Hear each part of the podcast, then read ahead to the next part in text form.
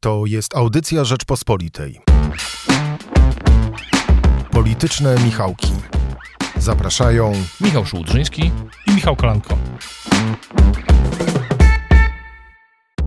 W piątek 1 września zapraszam Państwa na polityczne Michałki, ponieważ 1 września to nie tylko e, obchody rocznicy wybuchu II wojny światowej, ale też przede wszystkim e, wejście w nowy zupełnie etap kampanii. Prawo i Sprawiedliwość pokazało swoje jedynki. Mm, ujawniane są również nazwiska osób z kolejnych e, miejsc na listach. Co zyskała w tym tygodniu Platforma Obywatelska, co mówił Donald Tusk w Gdańsku i czy Konfederacja zagasiła kryzys związany z wypowiedziami na temat jedzenia psów. O tym właśnie w politycznych Michałkach. Zapraszam serdecznie. Michał, ostatni tydzień wakacji to wyglądał jak pierwszy tydzień już tej prawdziwej kampanii wyborczej. Było niezwykle gorąco. Swoje listy wyborcze kształt główny, szkielet e, przedstawiło Prawo i Sprawiedliwość. Również pojawiły się pewne niespodzianki w ostatnim tygodniu na listach Koalicji Obywatelskiej. Zacznijmy jednak od PiSu e, w czwartek. Po południu Jarosław Kaczyński przedstawił jedynki na listach PiS. Do ostatniej chwili trwały targi, ponieważ przeczytano posła Czarneckiego, a miała być tam minister Sujka i chyba nie wiemy do końca, kto tak naprawdę jest tą jedynką. E, ale właśnie w tych jedynkach, kto był dla ciebie największym zaskoczeniem? Co, która z tych roszad, które zastosowano, wydaje ci się najciekawsza? I po co PiS w taki sposób właśnie skonstruował listy wyborcze? Jak się rozmawia z politykami PiS, to zaczynając od tego trzeciego pytania, e, wydaje się, że zamysł jest całkiem jasny. Po pierwsze, PiS, dysponując swoimi wewnętrznymi sondażami, modelami i swoimi analizami, zbudował te listy tak, żeby zmaksymalizować wynik wyborczy. Politycy PiS mówią to całkiem otwarcie, nawet otwartym tekstem. Chodzi to, są dwa, dwie, dwa słowa, tak? Maksymalizacja i optymalizacja. To brzmi jak y, coś ze slangu korporacyjnego, ale tak to brzmi. Tak to wygląda, że poprzesuwano te... Przypomnijmy tylko naszym y, słuchaczom i widzom, że biuro Nowogrodzkie nie przypomina szklanego biurowca i korporacji, gdzie stosuje się optymalizację i maksymalizację, tylko raczej, y, no takie powiedziałbym, PRL-owski styl kultury biurowej, ale idźmy dalej. I ta maksymalizacja i optymalizacja ma przynieść dodatkowe mandaty w ponad to, co PiS by uzyskało bez niej. I tu się pojawia liczba nawet 10 czy nawet 12 mandatów, o której słyszałem. Nie wszyscy w PiS podzielają ten optymizm, że to jest aż tak Y, aż taka górka, którą można, można zdobyć. Wyjaśnijmy ten mechanizm. No, na przykładzie Jarosława Kaczyńskiego. Tak, gdyby Jarosław Kaczyński startował z Warszawy, to Warszawa, będąc miastem tak dużym, a w dużych miastach mamy znaczną przewagę wyborców e, liberalnych, głosujących na partie typu Platforma, Lewica, Trzecia Droga i tak dalej, to nawet najatrakcyjniejszy kandydat Prawa i Sprawiedliwości nie jest w stanie w Warszawie dodać głosów, a przesunięty Jarosław Kaczyński do Kielc jest w stanie gdzie ta przewaga opozycji jest mniejsza, jest w stanie zmobilizować dodatkowych głosów dla Prawa i Sprawiedliwości tyle, że PiS może uzyskać albo mieć tyle samo mandatów, co w poprzednich wyborach, to było 10, albo tutaj jest nadzieja, że dodać pewne rzeczy, czyli to, gdzie kto startuje w zależności od okręgu i warto wtedy inwestować w te okręgi, tak na przykład jak Zbigniew Ziobro w okręgu rzeszowskim, bardzo prawicowej um, okolicy, a sam Rzeszów nie jest aż tak prawicowy, liberalny, rządzi tam um, opozycyjny kandydat, pan prezydent Fiołek, ale równocześnie to otoczenie jest znacznie bardziej konserwatywne i wyrazisty kandydat jest w stanie dodać więcej niż na przykład by startował w Krakowie, no bo Kraków wiadomo ma swoje inne sympatie polityczne. Tak ten mechanizm wygląda? Tak, tak ten mechanizm wygląda. Oczywiście nie wszyscy, jak wczoraj rozmawiałem w samym Prawie i Sprawiedliwości, podzielają ten optymizm, że to się rzeczywiście sprawdzi, no ale PiS e, walczy o każdy mandat, tak jak napisałem zresztą w komentarzu czy, czy w analizie, że to jest wojna pozycyjna, no i każde, każde przesunięcie frontu się liczy. Nikt, nie, nikt, nikt się nie spodziewa, że tu będzie jakiś blitzkrieg w tej kampanii, przez, przepraszam za to słowo, nie, nie, przepraszam za to słowo. 1 września ono nie bardzo jest, pasuje, ale wiemy o co chodzi. Nie jest, nie jest dzisiaj aktualnie dobre, dobre słowo, ale y, no nie będzie żadnego gwałtownego chyba gwałtownych zmian już w sondażach, tak myślę, że można się tego spodziewać, że sztabowcy na pewno nie obstawiają żadnych wielkich zmian w sondażach. Bardziej właśnie chodzi o kolejne kolejny odcinek, e, e, kolejny mandat, kolejny punkt, czy półpunkt. Zresztą, jak pamiętam rozmowy z politykami Platformy jeszcze w tamtym roku, to oni też się mniej więcej tego spodziewali, że będzie Czyli takie ciułanie głosu. Mozol, będzie mozolnie i to już widać w tym roku zresztą, bo te rozmowy akurat z Platformą takie strategiczne były, pamiętam, z, tamte, z ubiegłego roku, jeszcze z grudnia, ale w tym roku to się sprawdziło, to są po prostu, to jest mozuł. Platforma zyskuje punkty, traci punkty, PiS traci punkt, zyskuje punkt, ale i tak to chyba będzie wyglądało już do samego końca, więc nie będzie takiego jakiegoś gwałtownego przełamania, że tak się wyrażę. E, natomiast e, będzie taka, cały czas taka wojna pozycyjna i PiS tą kampanię w ten sposób chce wygrać. Ona jest zupełnie inna niż w 2015 czy 2019 roku. Co do tych ciekawych m, tych roszad... Dlaczego ta kampania jest inna? Czy właśnie, co takiego jest innego? Znaczy, bo wtedyż, rozumiem, 2015 rok to była ta fala, która sprzyjała PiSowi, chęć zmiany, partia zmiany taka jak... Sam kalendarz ją... Cookies wtedy... Bardziej na ogólnym poziomie definiuje ją kalendarz, no bo kalendarz jest taki, że wybory parlamentarne parlamentarne są pierwsze po dłuższej przerwie od wyborów prezydenckich. W 2015 roku wcześniej były wybory prezydenckie wiosną, które wygrał prezydent, y, wtedy kandydat europoseł Andrzej Duda. E, no i ta fala, o której mówisz, się pojawiła. W 2019 roku były wybory Euro, do Europarlamentu, które PiS przekształcił w pierwszą turę wyborów do Sejmu. No i tutaj wynik był splot wielu czynników, ale też tej strategii. Piątka Kaczyńskiego pierwsza wtedy była pokazana przed tymi wyborami do Europarlamentu. No i ta fala też powstała, później oczywiście e, jesienna kampania i też kolejne, i kolejne drugie zwycięstwo. To jest inna kampania przez kalendarz, również przez to, że no nie było też e, takiej sytuacji, w której partia rządząca drugą kadencję wchodziłaby w taką, e, w ten okres bezpośredniej kampanii wyborczej z tak dużymi szansami na utrzymanie władzy, bo Platforma w 2015 roku jesienią wszyscy sobie raczej zdawali sprawę, że, że straci władzę.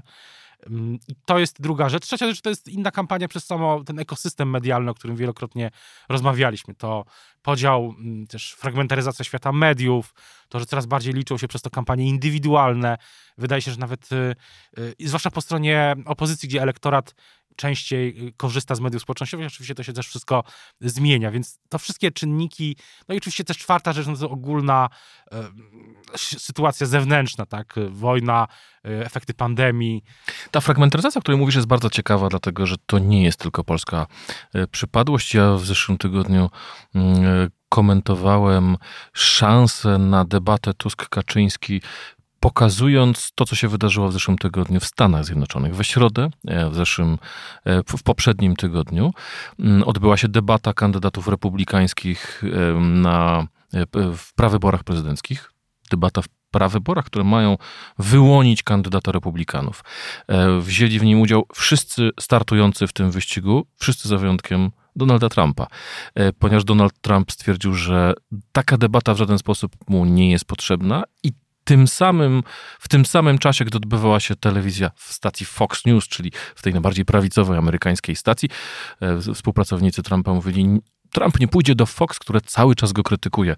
Więc znacie Państwo ten, tą sytuację, w której e, ważny polityk, lider prawicy mówi, że nawet jego własne media są dla niego strasznie krytyczne. A co zrobił Donald Tusk? Donald Trump wtedy? Donald Trump w czasie, gdy odbywała się debata, został wyemitowany na serwisie X zwanym dawniej Twitter, wywiad, jeżeli tak to można nazwać, e, Tuckera Carlsona, wyrzuconego z Fox News, najpopularniejszego prezentera prawicowego amerykańskiego, z prezydentem Donaldem Trumpem, bo to właśnie jest ta fragmentaryzacja debaty.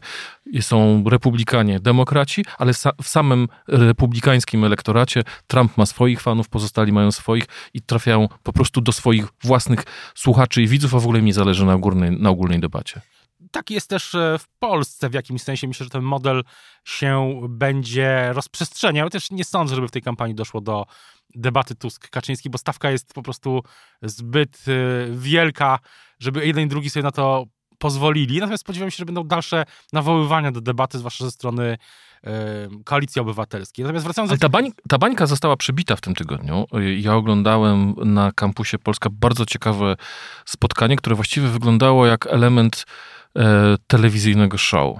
To było spotkanie, w którym występował Szymon Hołownia e, i Władysław Kosiniak-Kamysz podczas kampusu. To było bardzo ciekawe, bo wiceprzewodniczący Platformy Obywatelskiej, e, Rafał Trzaskowski, zaprosił na kampus liderów konkurencyjnej partii opozycyjnej, e, którzy zrobili po prostu show telewizyjne. To było o tyle ciekawe, że e, zadawali pytania, ale tak naprawdę publiczność, młodzież zadawała pytania, nie wszyscy byli tacy młodzi, ale już nie wypominajmy wieku, ale Y, Hołownia i Kosiniak traktowali te pytania jako takie piłeczki do tego, żeby grać ze sobą. No, Szymon Hołownia prowadził kiedyś telewizyjne show, więc wie, jak to się robi. Kosiniak-Kamysz okazał się z tym też niezwykle sprawny, ale to właśnie było na, mm, no, na polu przeciwnika. Tak samo, tak samo zrobili liderzy lewicy, to akurat obserwowałem też y, z bliska, widziałem, byłem na miejscu w tej, tej trakcie tej debaty w niedzielę mm, i liderzy lewicy też y, między sobą grali, też grali z publicznością, zwłaszcza Włodzimierz Czarzasty, który się świetnie czuł w tej debacie, zwłaszcza gdy odpowiadał na pytania dotyczące Konfederacji, y, że nigdy nie będzie lewica w żadnej koalicji, żadnych rozmów z Konfederacją.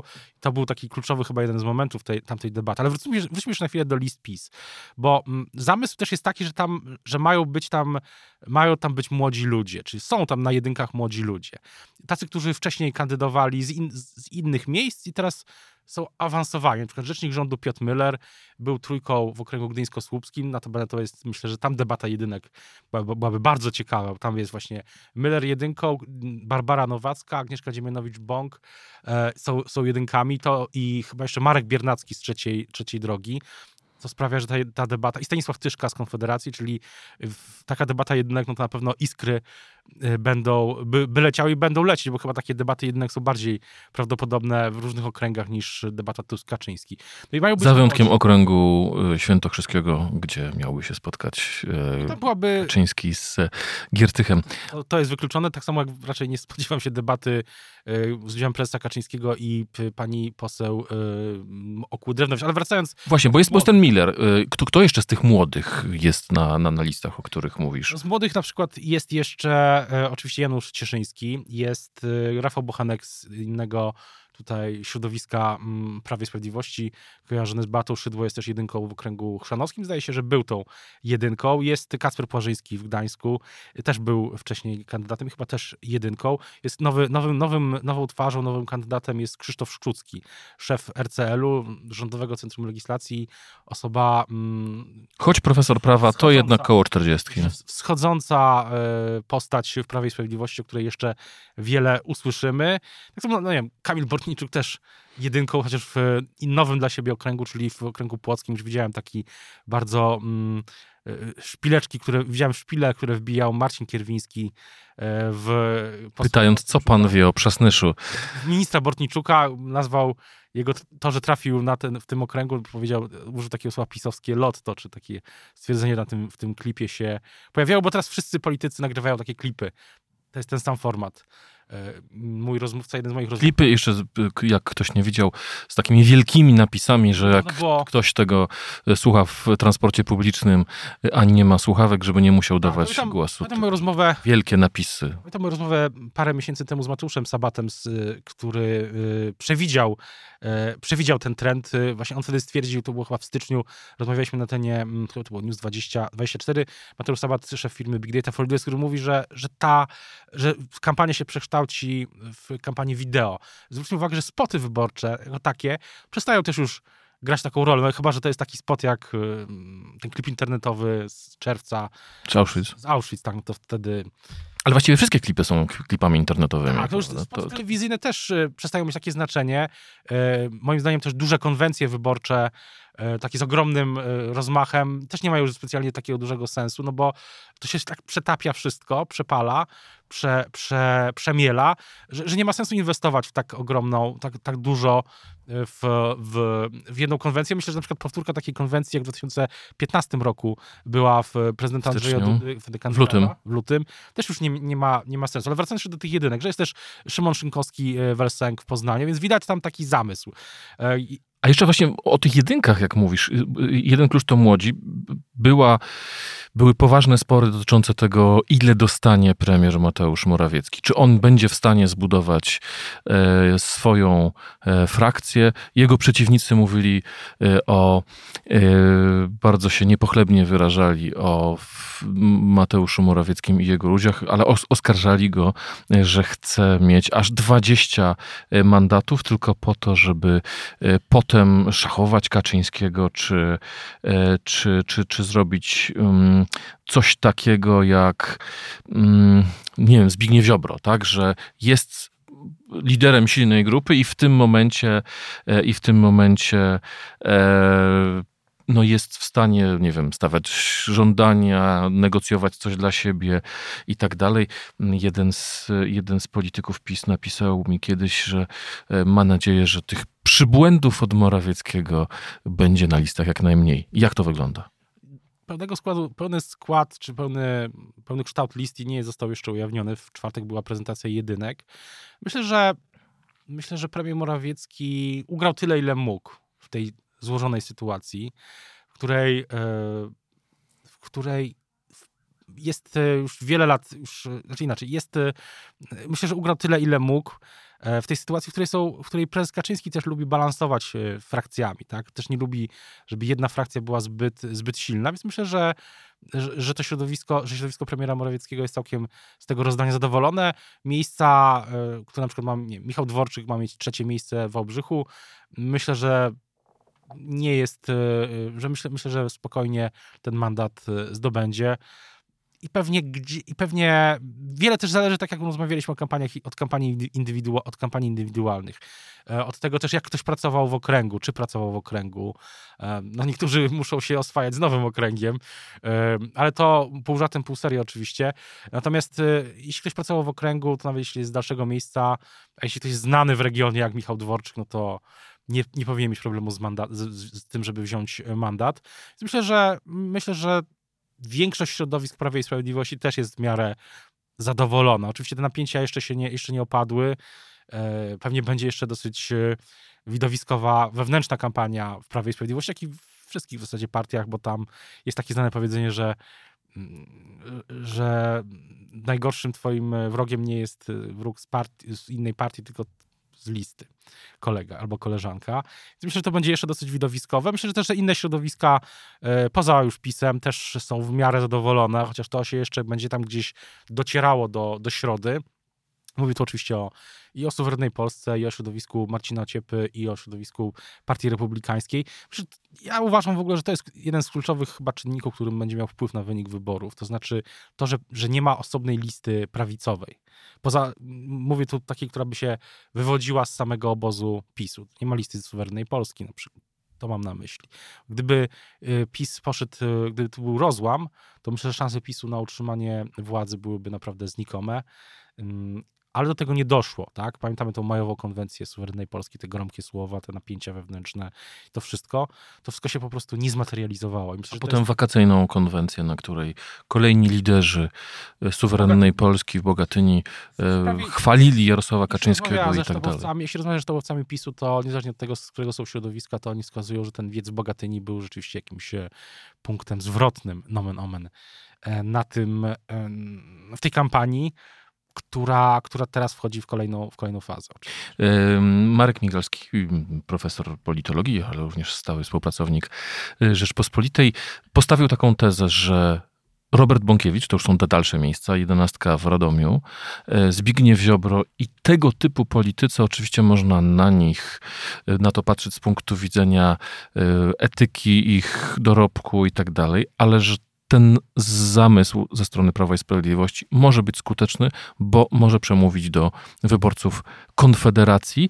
Tak samo e, jak e, na przykład e, Michał Kołodziejczak czy Roman Giertych na listach Platformy Obywatelskiej, że część tego antysystemowego, ale wolnorynkowego elektoratu może jednak wybrać Platformę, a część tego narodowego elektoratu może uznać, no skoro jest Bąkiewicz, skoro jest Ziobro, obrońca suwerenności, to oddamy swój głos na e, PiS, a nie na e, Konfederację. Czy to jest tak, że ci dwaj najwięksi usiłują rozdrapać Konfederację? To jest Bardzo ciekawa obserwacja też Łukasz Pawłowski, szef Ogólnopolskiej Grupy Badawczej, też taką miał obserwację po tym, jak PiS ujawnił te jedynki, częściowo też w kuluarach się oczywiście mówi o tych nazwiskach na dalszych miejscach, że to są listy, które mają skontrować e, Konfederację, mówią o listach PiSu przede wszystkim. E, Łukasz Pawłowski właśnie na to zwraca uwagę, że tak to właśnie Ziobro w, w Rzeszowie, tak o tym wspominałeś, że tam jest Grzegorz Braun, to jest samo miasto może nie, ale region na pewno jest konserwatywny, to jest taki polski Teksas, powiedzmy. Albo można Miała być Polska Bawaria. Polska Bawaria to tak, słynny, słynny pomysł. Polska Bawaria. Ciekawe, czy wróci w tej kampanii Polska Bawaria jeszcze. Natomiast y, to jest bardziej polski Teksas, a może polska Louisiana albo polskie y, Mississippi, albo no, pas biblijny tak zwany w Stanach Zjednoczonych. I to jest odpowiednie. Też patrząc na karierę Rona DeSantisa i kontrrewolucję konserwatywną Rona DeSantisa, to taka polska Floryda. Też, też. E, chociaż Ron DeSantis chyba nie radzi sobie najlepiej ostatnio. Widziałem e, analizy wskazujące, że wielkich szans z Trumpem nie ma. Ale wracając do tych list, że jest też taka próba e, osiągnięcia, tak jak mówisz, po ten elektorat który może spoglądać na Konfederację albo który jest tej takiej tak zwanej poczekalni który ma bardziej mm, konserwatywne poglądy, który się zastanawia. No, Konfederacja sama, rozmawialiśmy o tym w ubiegłym tygodniu, dostała pewnej zadyszki. Musiała mieć, musiała też mm, reagować na sprawę psów. Właśnie, twoim rodzajem ta, e, przypomnijmy, sprawa zaczęła się od tego, że przypomniano komentarz jednej z kandydatek, która krytykowała poprzedniczkę Unii Europejskiej, czyli Europejską Wspólnotę Gospodarczą, która w latach 80. zakazała uboju i wprowadzania do sprzedaży psa, e, psiej, psie, psiego mięsa. Mm, kolejni politycy zaczęli no, Konfederacji bicie i brawo. E, Dobromir Sośnierz, jedynka Skąd on będzie jedynką? Nie, czy on, czy, nie, on z Warszawy będzie kandydatem. Nie jest jedynką chyba z nowego, nowego okręgu z tego co pamiętam, miał kandydować, bo on był w Partii Wolnościowcy i później wrócił. I wrócił do tego. On powiedział, że on tak samo myśli jak ona i właściwie dlaczego nie. W czym mięso psie jest gorsze od mięsa e, wołowego. No i powstało z tego mnóstwo memów. E, z jednej strony Konfederacja zareagowała e, bardzo szybko.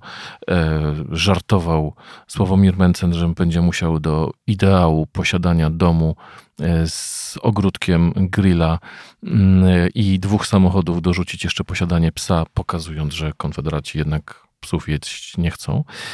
Ale Mleko się rozlało chyba. Mleko się rozlało i kandydatka, chociaż kandydatka, ona się nazywa... Albo ogary poszły w las raczej, żeby tutaj nawołać, odwołać się do polskiej literatury. Natalia Jabłońska straciła to miejsce na listach e, Konfederacji.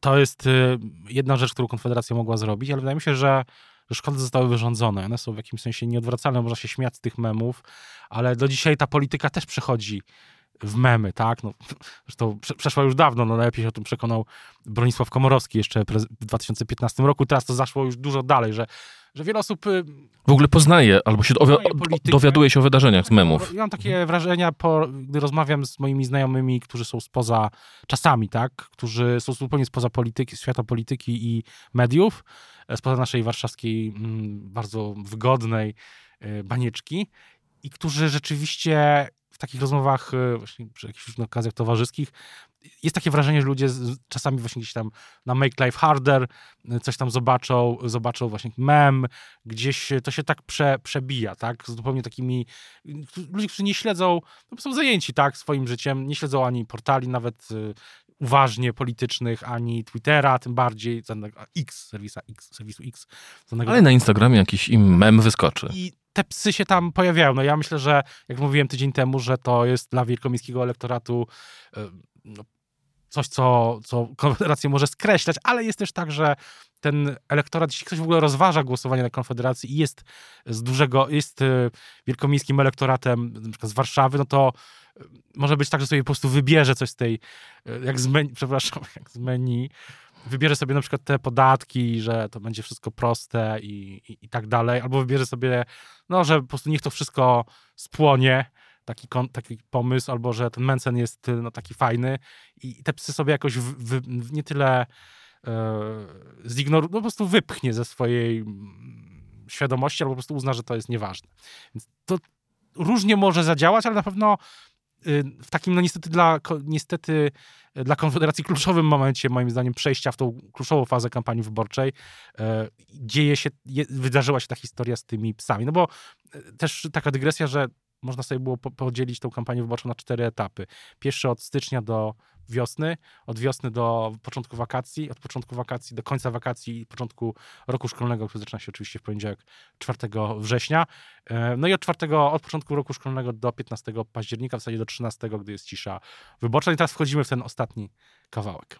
Michale, żebyśmy zakończyli jeszcze kwestię Warszawy, czy Prawa i Sprawiedliwości, list Prawa, i, list Prawa i Sprawiedliwości, wróćmy do Warszawy. Jak wygląda ta warszawska lista e, Prawa i Sprawiedliwości? Jak ona jest skonstruowana? E, ja przyznam szczerze, gdybym e, patrzył oczyma kogoś, kto jest wahającym się wyborcą Prawa i Sprawiedliwości mieszkającym w stolicy, to ona nie wygląda jakoś pasjonująco. No, profesor Piotr Gliński, który stracił stanowisko wicepremiera po siedmiu i pół roku, jedynka yy, i te kolejne postaci, no nie są jakieś mega przyciągające w tej Warszawie.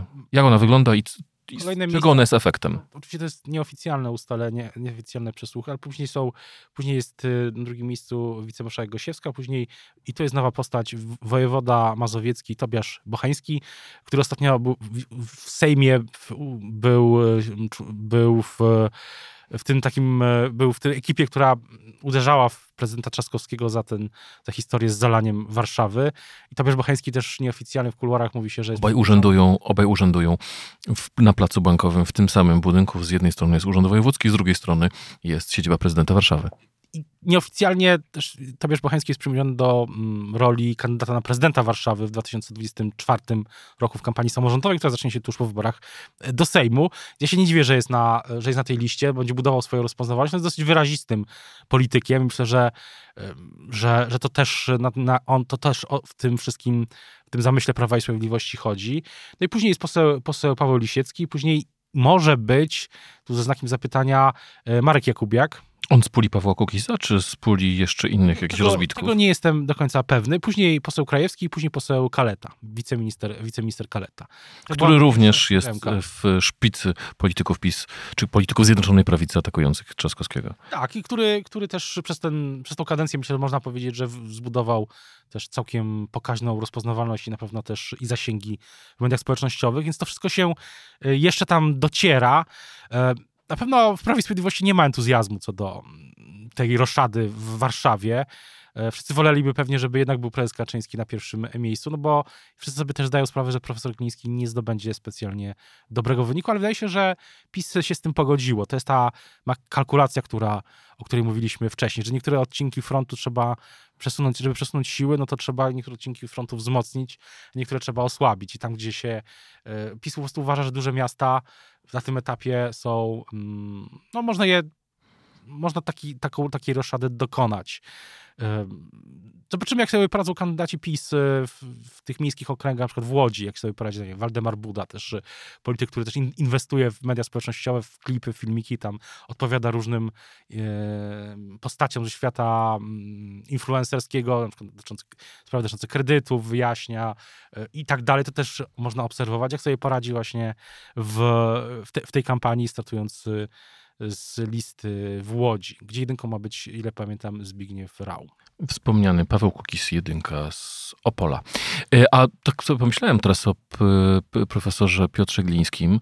To jest jednak polityk, który w ciągu 8 lat całkowicie przetransformował swój wizerunek. Bo 8 lat temu, gdyby Piotr Gliński startował z Warszawy, miałby szansę przyciągnąć nowy elektorat do PiSu. Tak? Intelektualista, profesor, e, niegdyś związany z zielonymi, e, socjolog, postać świata nauki, dosyć dobrze pasująca do, do właśnie takiego wielkomiejskiego, mogąca zwracać się do wielkomiejskiego elektoratu. Przez 8 lat profesor Gliński utwardzał, stawał się coraz bardziej radykalnie prawicowym, patriotycznym, narodowym politykiem i po tych ośmiu latach, moim zdaniem, on w Warszawie PiSowi nie doda żadnego głosu. A też e, chyba też pokazuje, jak taką drogę przeszedł sam PiS jaką drogę przeszła też polityka, w której odcienie przestają mieć tak ważne znaczenie. I tutaj w tym y, nurcie też myślę, że warto wspomnieć, że ten najbliższy weekend Państwo może już słuchają tej y, naszej audycji albo oglądają y, już po, ale będzie i konwencja m, trzeciej drogi, właśnie jeśli chodzi o to odcienie pomiędzy jednym, jednym po, pomiędzy polaryzacją i też konwencja lewicy. Lewica, myślę, m, może najwięcej zyskać na tej decyzji Donalda Tuska o tym, żeby wziąć na listy Romana Giertycha. Zobaczymy, jak to będzie też wyglądało. Lewica w Łodzi, a trzecia droga w Katowicach. E, e, ważne też miejsca z różnych przyczyn. Katowice oczywiście też super ważny Śląsk, gdzie też ponownie będzie starcie Borysa Budki z Mateuszem Morawieckim. Też tam jest wiele różnych tematów się krzyżuje, jak transformacja energetyczna i nie tylko, więc będzie interesujący polityczny polityczny weekend. No i oczywiście super ważna, kluczowa ostatnia część kampanii wyborczej, której chyba i chyba taka, której, która będzie jeszcze jednak mimo wszystko pełna pewnych zwrotów akcji, bo to już widać w tej kampanii, że mimo tego, że ten, te sondaże są mniej lub bardziej stabilne, to jednak zwroty akcji są. Michał, chciałem, żebyśmy na końcu jeszcze troszeczkę porozmawiali o e, Koalicji Obywatelskiej, Platformie Obywatelskiej. W tym tygodniu zakończył się Kampus Polska. E, wykorzystali to politycy Prawa i Sprawiedliwości, ponieważ we środę Warszawa została kompletnie zalana, rekordowa. Żeby jasne, to nie, nie, to jest, nie jest tak, że oni ją zalali. E, tak, tak. Rekordowe opady, 2,9 mm wody spadło w Warszawie, co doprowadziło do wielu lokalnych podtopień. To są, e, to są ilości wody, które są w normalnych latach spadają przez całe tygodnie, wtedy we, wtorek, we środę one spadły w ciągu kilku godzin. E, w związku z tym zalana trasa S8, mnóstwo memów, jeździł tam miejski reporter e, na kajaku. Mm, PiS stwierdzi winny Trzaskowski, politycy Platformy odpowiadają, trasa S8 jest zarządzana przez Dyrekcję Dróg Krajowych i Autostrad, która odpowiada e, przed rządem, a nie przed e, samorządem. Fakt jest jednak taki, że e, Rafał Trzaskowski był wtedy na kampusie. Co Platforma z tego kampusu ma? Bo przed kampusem to było głównie spór o symetrystów po kampusie, mam wrażenie, jednak jest zupełnie inaczej, choć obowiązywał tam zakaz agitacji e, politycznej, ale na przykład Donalda Tuska młodzi pytali właśnie o start e, Romana e, Giertycha. Występował Kosiniak-Kamysz i Hołownia tłumacząc co jest, dlaczego są fajni, dlaczego, no nie mówili wprost, dlaczego na nich warto głosować, ale czym oni się różnią od Platformy. Mówiłeś wcześniej o debacie z udziałem liderów lewicy.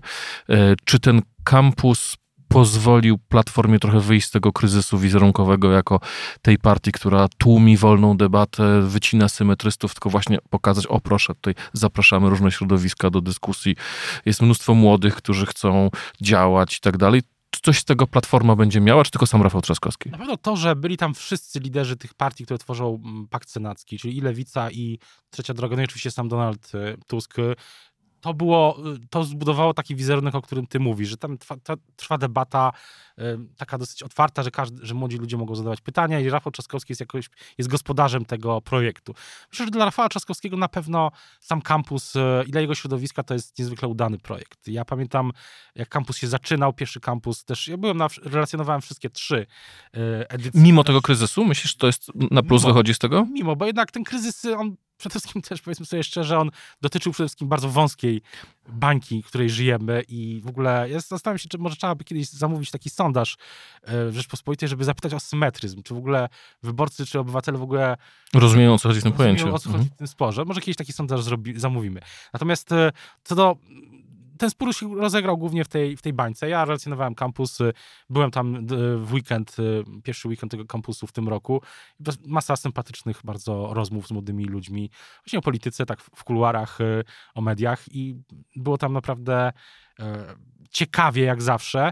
Oczywiście kampus był też e, no, podlany jest tym stosem wyborczym, więc czuć też było te napięcie w jakimś sensie, te rozmowy tam w kuluarach też, kto gdzie kandyduje, jakie listy, e, co będzie po wyborach. Rafał Trzaskowski na pewno jego środowisko dużo na tym projekcie zyskuje, zwłaszcza, że on ten projekt jest cykliczny, będzie za rok kolejny. To już jest pewna instytucja. To jest ogromny, to jest sukces, bo w Polsce jest tak, że często jest jeden wysiłek, który organizuje się coś i później ten wysiłek nie jest e, powtarzany.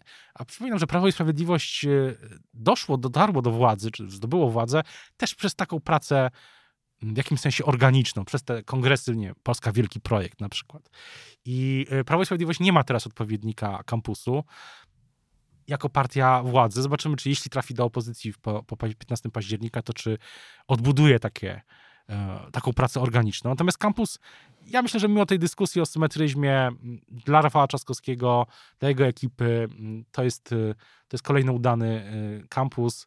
Sam projekt jest bardzo udany, wszyscy go chwalą w zasadzie, poza tym wątkiem dotyczącym symetryzmu i, i myślę, że w przyszłym roku też będzie ciekawie. Zawsze to będzie kampus w nowej sytuacji, tak? No, niewątpliwie. Na kampusie występował Donald Tusk, ale Donald Tusk występ, był głównym gościem e, wydarzenia Platformy Obywatelskiej, które miało miejsce we czwartek e, w Gdańsku e, na terenie stoczni. E, Donald Tusk wygłosił, myślę, że jedno z ważniejszych przemówień tej kampanii mm, wyborczej. E, dwie rzeczy mnie w nim e, zaskoczyły, czy utkwiły mi w pamięci. To jest po pierwsze, przypomnijmy, wczoraj gdy to nagrywamy, w czwartek 31 to była 43. rocznica porozumień sierpniowych, właśnie, które miały miejsce e, w stoczni. Ale po, po, pierwsze, to co pokazywał Donald Tusk, czyli najważniejsze osoby z sierpnia 80 roku, są dzisiaj z nami. Są albo na listach platformy, albo wspierają e, platformę. I mnóstwo, mówił, że oczywiście nie można tam tych czasów porównywać ze sobą, ale że one jednak mają jakieś punkty wspólne. Na, w 21 postulatach było, e, był, e, było to, żeby e, przekazywano informacje o działalności Solidarności. Tusk mówił, dzisiaj też chcemy, żeby rządowe media przekazywały informacje prawdziwe na temat tego, co się dzieje na naszych spotkaniach. Wtedy była drożyzna, dzisiaj jest drożyzna. Wtedy domagano się podwyżek, dzisiaj domagamy się podwyżek i tak dalej, i tak dalej, i tak dalej. Mm, ale tą drugą rzeczą, która mi się wydaje w tym była najciekawsza, to jest to, że Donald Tusk powiedział coś, co bardzo mi zarezonowało, jak ty mówisz, że dzisiaj już wielkie konwencje nie mają takiego znaczenia, ponieważ kampania jest na filmikach, a Tusk porównywał wydarzenia z lat 80. do dzisiejszych, mówiąc, wtedy ważne było to, że obywatele musieli się policzyć, musieli się zobaczyć. I po to organizujemy te wielkie marsze, żeby ludzie zobaczyli, że warto e, zagłosować na opozycję, bo ona ma szansę wy, wygrać i ma szansę zmienić władzę w Polsce. Po to robiliśmy marsz 4 czerwca, po to są te wszystkie spotkania. Tłumy były na tym spotkaniu w Gdańsku. I mówię, no i właśnie po to robimy na początku października ten marsz miliona, żeby pokazać Polakom, że jesteśmy w stanie wygrać. No i powiedział rzecz w tym momencie najważniejszą, bo potrzebujemy 10 milionów głosów. Jak ty to rozumiesz, ten, ten koncept Donalda Tuska? Ten koncept jest dosyć zgrany, też zgra, zgrywa się z tym enturażem, czyli z tymi flagami, z, z tymi serduszkami, którymi też w jakimś sensie, którym grają politycy koalicji obywatelskiej przecież na różnych. To jest taki symbol, to jest serduszka, to jest taki symbol, wydaje się, taka próba też sięgnięcia do takiego, takiej identyfikacji jak w Stanach Zjednoczonych. Jak Barack Obama w 2008 roku e, wygrał kampanię prezydencką, to wcześniej, to później analizowano oczywiście jego kampanię, w trakcie też i pamiętam, że tam dużo e, było mm, analiz dotyczących jego właśnie identyfikacji wizualnej, tego symbolu, e, tego koła, tak? Obama, i takie charakterystyczne logo kampanii, to myślę, że to jest taki powrót do tego, e, to jest nie tyle powrót, co nawiązanie do tego takiego amerykańskiego w jakimś sensie, nie tylko amerykańskiego oczywiście, bo to jest powszechne już teraz, czy w ogóle jest powszechne, ale taki widać zamysł, te serduszka, tak, że to jest taki symbol, wszyscy wiedzą o co chodzi, to Platforma w tym jest konsekwentna i to, to się jedno z drugim, z tym przesłaniem dotyczącym tego, takiego manichejskiego, takiego po, po, podziału na dobro i zło, jasną i ciemną stronę mocy. Nie ma żadnych trzecich dróg i innych partii zresztą też. E, Nas, tak jak Solidarności, będzie 10 milionów, a oni to będzie kilka tysięcy działaczy partyjnych, zdemoralizowanych tak, i tak dalej. Tak, Ten język Tuska... Jest, to jest opowieść e, dosyć jasna, tak?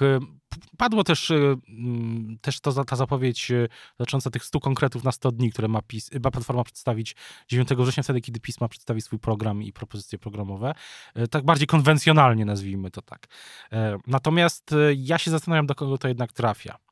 Czy to trafia do, do kogokolwiek innego, kto nie jest już w tym korze Platformy. No bo jeśli ktoś uważa, że w Polsce jest jak w PRL-u, no to z dużą dozą, dozą prawdopodobieństwa yy, no jest w tym korze platformy, a może nawet ma na konto na serwisie X, zwanym jako Twitter, gdzie publikuje właśnie takie yy, rzeczy. Z, te, z tego punktu widzenia rozumiem też, że trzeba cały czas tę grupę mobilizować i, i rozumiem, po co to Donald Tusk mówi akurat w tamtej chwili. Ale wierzę się z tobą nie zgodzę. Dlatego, że jak słuchałem tego wystąpienia, miałem wrażenie, że jego adresatem są wyborcy dzisiejsi, deklarujący się jako ci, którzy poprą trzecią drogę albo lewicę, e, bo Tusk chciał pokazać, że ta strona dobra jest tylko jedna. Znaczy, że my musimy wygrać wybory. My musimy pokonać PiS. Tak? A pokonamy PiS tylko wtedy, jeżeli go przegonimy w wyborach, jeżeli wyborcy e, opozycyjni na nas zagłosują. To się wzajemnie wyklucza, bo jedno, jedno, się, jedno się dobrze też, jedno pasuje do drugiego wręcz, e, bo wydaje się, że celem też Platformy no jest po prostu utrzymanie, nie wydaje się, to jest celem Platformy nie tylko zdobycie władzy, ale też utrzymanie hegemonii na opozycji. Tylko, że pytanie na przykład, co z Gromanem Giertychem? Y, jeśli lewica ma przejść, czy wyborcy lewicy mają przejść do platformy, no to to jest platforma, która bierze na listę Romana Giertycha. I lewica tym przecież gra od dawna. Znaczy od chwili, gdy to zostało w ogóle ogłoszone, ale wcześniej nawet też była ta polaryzacja wokół kandydatury y, Giertycha do Senatu, w kontrze do, do posłanki współprzewodniczącej partii Razem Magdaleny Biejat, więc więc w jakimś sensie może być y, coraz trudniej Platformie ten argument e, do lewicowych wyborców kierować, że tylko są jedni się liczą, e, no bo lewicowy wyborcy zobaczy tego Giertycha i pomyśli sobie, może sobie pomyśleć, część lewicowych wyborców, tylko są segmenty, tak? Nie, operujemy na, nie jest jeden blok, przecież lewica też ma segmenty wyborców bardziej społecznych, bardziej liberalnych, e, w sensie światopoglądowym, mniej liberalnych światopoglądowo i tak dalej, ale tym Giertych, ten Giertych może tutaj przeszkadzać, tak? Tak się przynajmniej wydaje. Na pewno jedno jest pewne, że od tego marszu 4 czerwca ta strategia Platformy jest całkiem jasna. Niczym koszule polityków i polityczek Platformy, którzy wszyscy wyglądają, y, mają podobne, białe. Takie same czyste, białe koszule i serduszka. Bardzo dziękuję Michale, dziękujemy naszemu realizatorowi Michałowi Patyrze i wszystkim, którzy przyczynili się do powstania tej audycji. Zachęcamy jak zawsze Państwa do tego, żeby subskrybować Rzeczpospolitą, e, bo dzięki Państwa subskrypcjom możemy właśnie nagrywać takie audycje jak mm, ta, a tym, którzy są już naszymi subskrybentami, bardzo dziękujemy. E, bądźcie Państwo z nami. Do usłyszenia i zobaczenia za tydzień. Dziękuję bardzo. Słuchaj więcej na stronie podcasty.rp.pl. Szukaj Rzeczpospolita Audycje w serwisach streamingowych. Poznaj mocne strony Rzeczpospolitej. Wejdź na prenumerata rp.pl. Polecam. Bogusław Rabota, redaktor naczelny.